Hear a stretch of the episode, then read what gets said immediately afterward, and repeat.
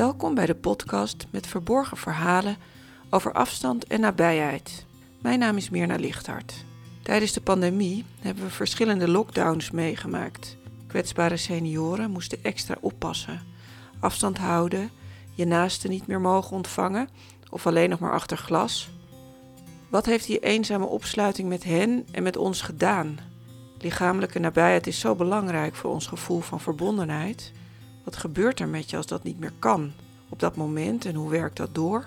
Onlangs las ik dat uit onderzoek blijkt dat sinds de pandemie een grote groep senioren die niet eenzaam was voor de pandemie, dat nu wel is en het niet goed voor elkaar krijgt weer aan te haken. Want hoe doe je dat? Kunnen we mooie manieren verzinnen om weer aangehaakt te raken als je dat bent kwijtgeraakt? In mijn zoektocht liet ik me inspireren door de uitspraak van Elif Shafak, die zegt: Verhalen brengen ons samen. Ongedeelde verhalen houden ons van elkaar gescheiden. Zouden we ons gevoel van gescheidenheid kunnen opheffen door onze verhalen met elkaar te delen, ook als het gaat om mensen die we niet kennen? Ik vroeg autobiografisch schrijfdocent Suzanne Gijsbers om me hierbij te helpen. Zij werkt met de methode zintuigelijk schrijven en deze methode werkt bijzonder goed om verborgen verhalen op te diepen. Ik schrijf met groepen. Het gaat over herinneringen aan momenten uit je leven. We schrijven zintuigelijk. Wat zie je, hoor je, voel je, ruik je, proef je. In een paar minuten zet iemand een herinnering op papier. Deelnemers hebben geen tijd om lang na te denken en juist zo ontstaan heel persoonlijke en authentieke verhalen. Na het schrijven is er gelegenheid om voor te lezen. Jouw verhaal mag klinken en het enige wat de anderen doen is luisteren. We geven geen commentaar, er is geen oordeel. Het gaat niet om mooi of lelijk. In dat oordeelloos luisteren ontstaat een verbinding in de groep. Ook al ken je iemands leven niet, de context van het verhaal al helemaal niet, toch voelen deelnemers vaak veel herkenning. We kwamen zes ochtenden samen met zeven Haarlemse vrouwen tussen de 63 en 88 jaar om te schrijven en voor te lezen. In deze podcast laten we jullie een deel van de verhalen horen. Het zijn verhalen over afstand en nabijheid van vroeger en van nu. Omdat het voor ons zo'n cadeau was om deze verhalen met elkaar te delen, delen we ze ook graag met jou. En we hopen je te inspireren om ook verborgen verhalen te delen en te onderzoeken wat het je brengt in het ervaren van nabijheid en verbinding. Misschien is dit de slinger die jij of iemand anders om je heen net nodig hebt om weer aan te haken. Daarom bieden we bij deze podcast een publicatie aan met ervaringsverhalen en instructies om zelf met een groep of groepje op deze manier uit te wisselen. Mijn dank gaat uit naar Appie, Eileen, Ellie, Els, Gerda, Rieneke en Sandra en ik geef hun graag het woord.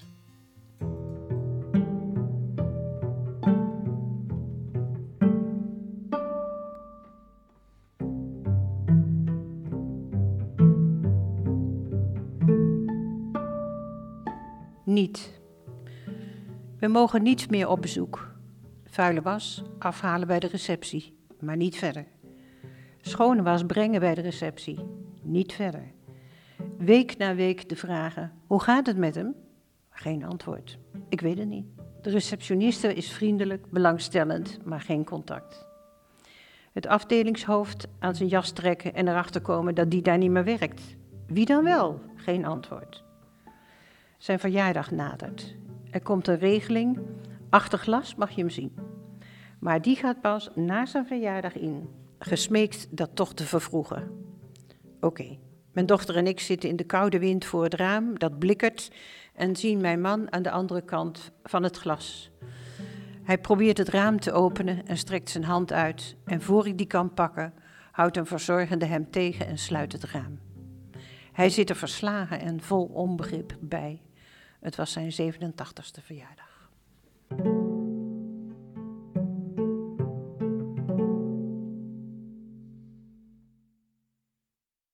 Het besmette leven. Corona, COVID, Delta, Omicron, handen wassen, anderhalf meter afstand houden. Geen lichaamscontact anders dan je eigen bubbel. Mondkapjes op, geen zichtbare mimiek. Stemmen moeilijk waarneembaar. Geluid, spreken moeilijker verstaanbaar. Verwezing. In wat voor wereld ben ik aanbeland? Alleen. Thuis, veel thuis. Alleen. De eerste aanraking was van de kapster. Zij mondkapje op, scherm om haar hoofd. Ik voor het eerst een aanraking ervaren van een ander. Ik zei haar dat zij de eerste was die me aanraakte. Zij pakte mijn hoofd extra zacht vast en masseerde zacht en langer dan nodig, maar zeer gewenst. Even voelde ik me zeer bewust van mijn mens zijn en het verlangen naar een liefdevolle aanraking. Het was even, maar de herinnering eraan is blijvend. Zij stopt mijn kapster.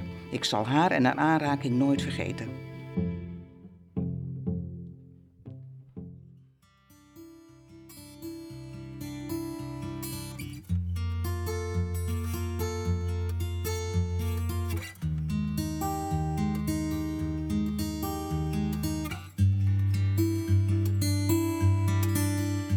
Lockdown. Waar moest je heen? Wat kon je doen?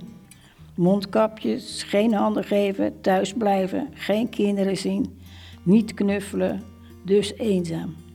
Dus de wandelschoenen aan en erop uit. In het bos liep ik dan te mijmeren. Hier liep ik eerst met mijn man en mijn hond. Daarna met de kinderen. Weer een paar jaar later met de kleinkinderen. En nu loop ik hier alleen.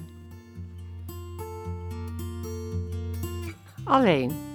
Even alleen, helemaal alleen. Met niemand om mij heen. Het stormt een beetje van binnen in mij. Buiten waait het hard. Veel wind. Het voorjaar komt eraan. Eerst moet het stormen, dan komt de zon. Geen mens kan er buiten. Niet buiten de zon, niet buiten warmte, gezelligheid en liefde. De wind waait gezellig. Het maakt wat lawaai. Een mens kan doodgaan aan de stilte. Niet aan lawaai. Lawaai is leven. De lucht, soms blauw, soms grauw. De wolken, ze drijven en hangen maar. Soms komt er regen uit. Wonderlijk is dat. En dan de zon erbij en een regenboog. De wonderlijke wereld met de wonderlijkste mens erbij. De boom zwiept heen en weer. Hij lacht om de wind. Hij lacht tegen mij. Ik kijk naar hem en denk: Jij boom, jij moet eeuwig maar blijven waaien. Misschien, ik weet het wel zeker, was ik nooit meer alleen.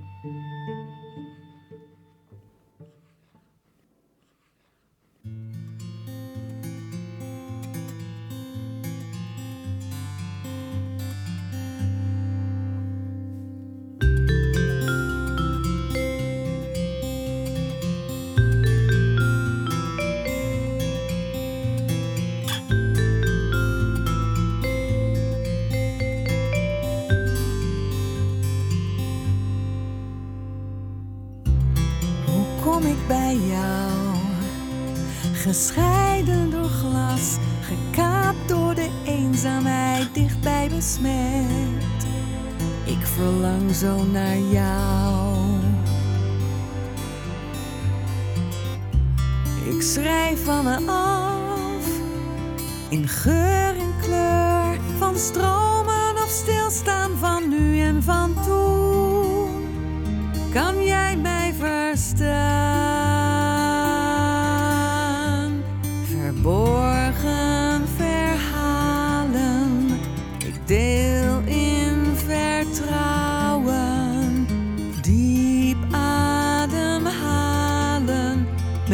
met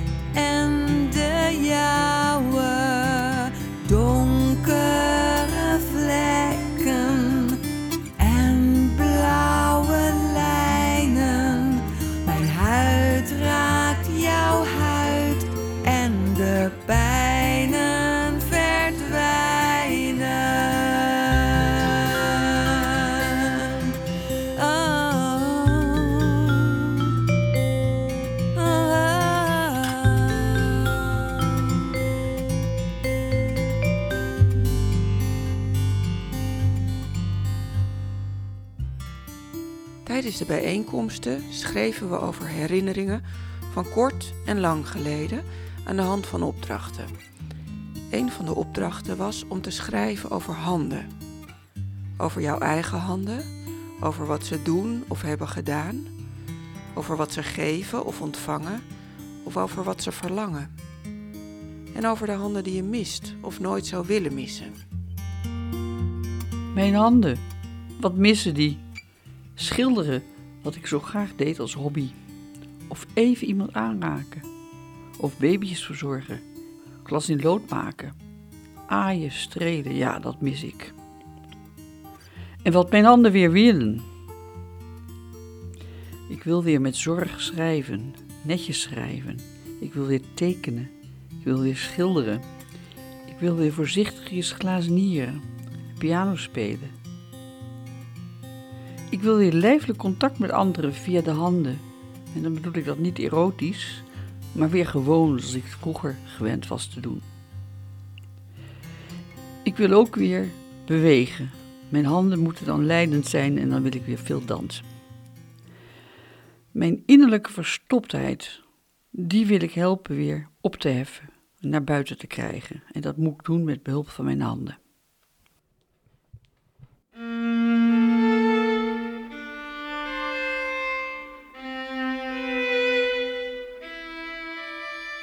Boksen.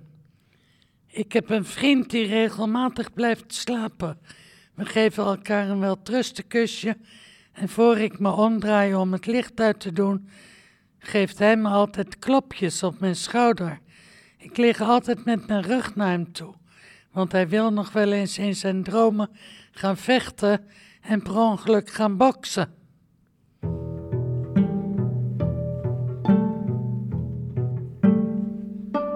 Mijn zusje en ik. Daar stonden we samen in de Haag om afscheid te nemen van onze lievelingsoom. In het zwart. De grote auto, gevuld met zijn lange kist, zou alleen wegrijden. De hand van mijn zusje zocht mijn hand en pakte die zachtjes vast. Daar stonden we, twee zusjes, gerimpeld inmiddels, zoveel gedeeld samen. Elk afscheid dat we samen hadden, was ook het afscheid van onze moeder, zo lang geleden. Ik voelde haar hand, hoe zacht hij was en hoe warm, haar lange, ranke vingers. Om een van haar vingers altijd de ring van onze moeder, de gouden ring met bot. Hoe lief haar hand die de mijne pakt, de kleine zus die de grote zus vastpakt en vasthoudt. Daar ligt zoveel in besloten. Wij zijn samen, wij hebben elkaar. Van jongs af aan. Zocht ons beneden boten en huizen bouwen, terwijl onze ouders nog lagen te slapen.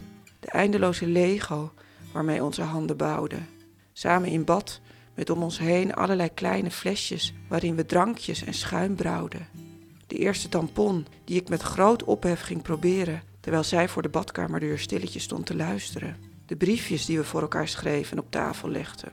Onze moeder waar onze handen haar laatste weken voor zorgden. Daar stonden we, hand in hand.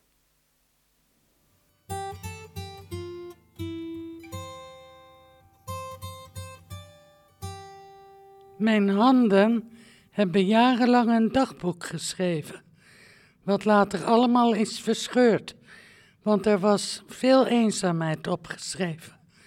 Gelukkig kwam er een ommekeer en nu puzzelen mijn handen veel met Filipines uit de krant. Ze hebben ook een zoon en een dochter groot helpen worden, die inmiddels zelf ook allebei een kind hebben. Ik vraag me wel eens af hoe ik dat voor elkaar gekregen heb, maar vroeger ging het vanzelf. Toen ik mijn vriend leerde kennen, zaten we naast elkaar in Café de Florijn in de Lange Veerstraat en het viel ons op dat onze handen veel op elkaar leken. We legden ze naast elkaar op de stamtafel. Ze waren precies even groot en zelfs de nagels en de lijnen liepen hetzelfde. Dat is nu 30 jaar geleden en ze zijn nog steeds hetzelfde. Ik hou van die handen.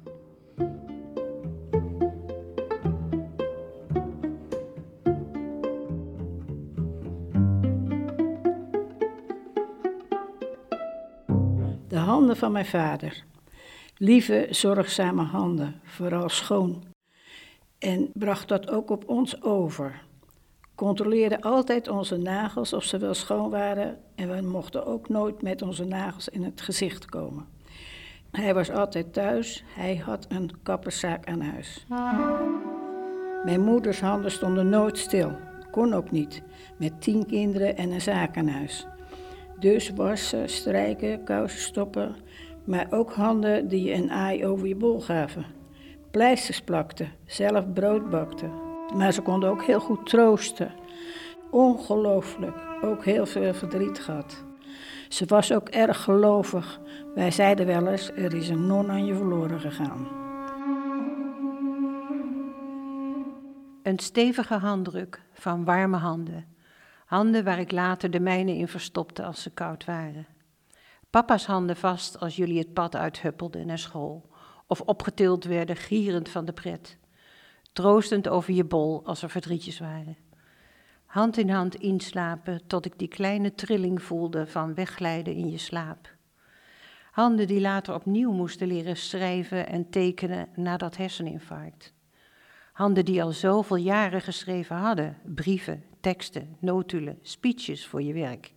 Je handen waren taal, communicatie, kracht.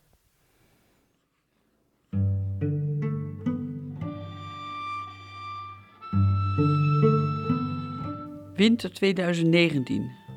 Ik lig ziek in bed. Nog eenmaal zijn hand om de mijne. Ik voel die hand waarnaar ik zo verlangde.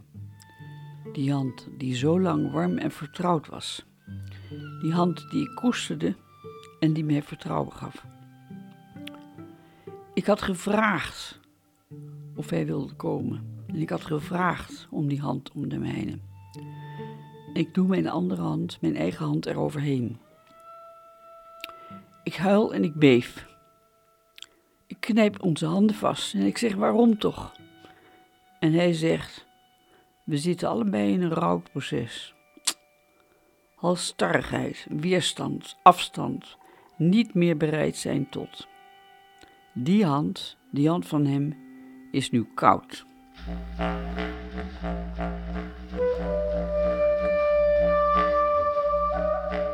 Als kind vond ik de kousochtends in huis erg ongezellig. Ik heb altijd een hekel gehouden aan kou. Vroeger hadden we een kolenkachel in huis. Die brandde ochtends niet als je uit je bed kwam. Nu heb ik thuis een gaskachel en die zet ik nooit zachter als ik naar bed ga. Het is altijd warm in mijn huis. Dat is voor mij gezelligheid. Het is 2 maart. Ik ben jarig. We mogen weer bij elkaar komen en elkaar aanraken. Ik zit in mijn favoriete hoekje en stoel. Mijn puberende kleinzoon komt binnen. Voor mij zijn jarige oma. Alle stoelen zijn bezet en hij komt naast me staan. Ik streel zijn schonkige rug. Langzaam, maar zonder dat ik er erg in had, leid ik hem naar mijn schoot. Hij laat zich leiden en gaat zitten. Al pratend met mijn bezoek aai ik zijn rug, zijn haar. Hij laat het allemaal gebeuren. Ik voel zijn warme lichaam op mijn schoot. Intiem, maar zonder opzettelijk intiem te zijn. Ik weet niet hoe lang dat geduurd heeft. Het was intiem in een publiekelijke aangelegenheid. Ik zou willen nog jarig te zijn.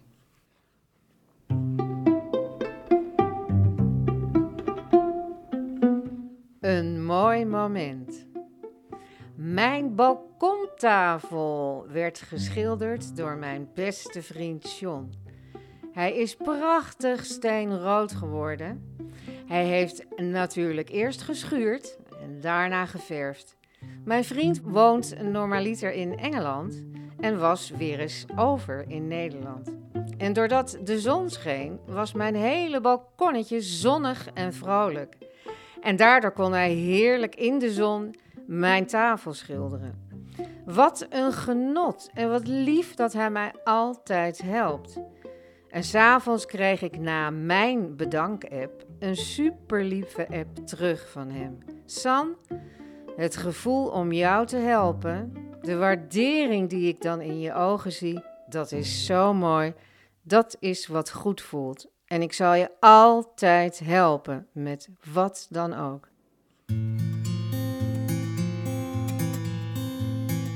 de laatste opdracht schreven de deelnemers zichzelf een brief waarin ze vertelden wat deelname aan dit project voor hen betekend heeft.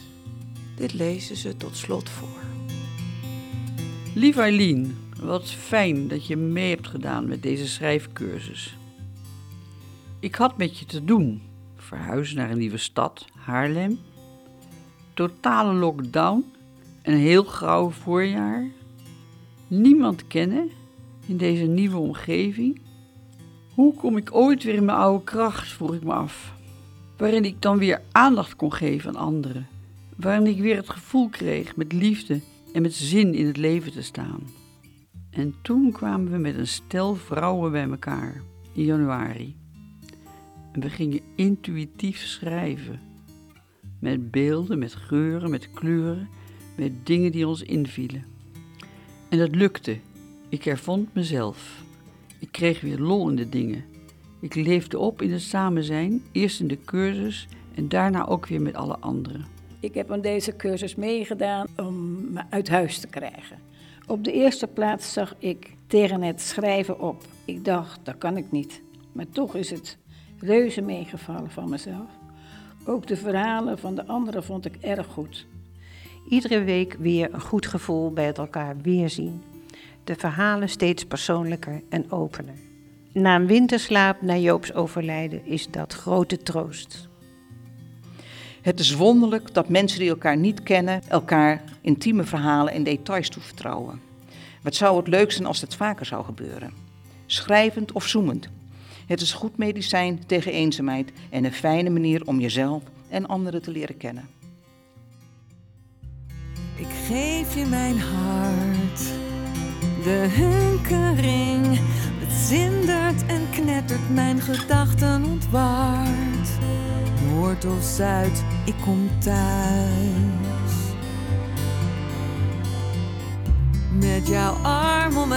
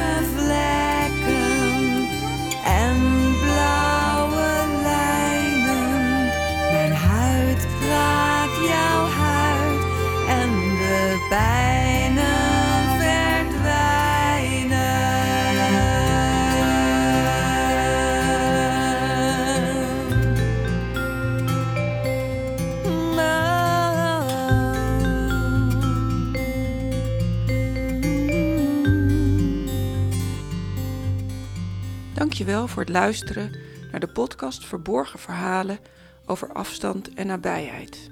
Bij deze podcast verschijnt een boekje over het project met inspiratie en instructie om zelf met een groep verborgen verhalen te schrijven en te delen. Deze kan je opvragen door een mail te sturen naar info.stadsreporters.nl. De muziek werd geschreven en gezongen door Vera van der Poel, de stukken op de doedoek door Rees Almagoed en de stukken op cello door Oene van Geel.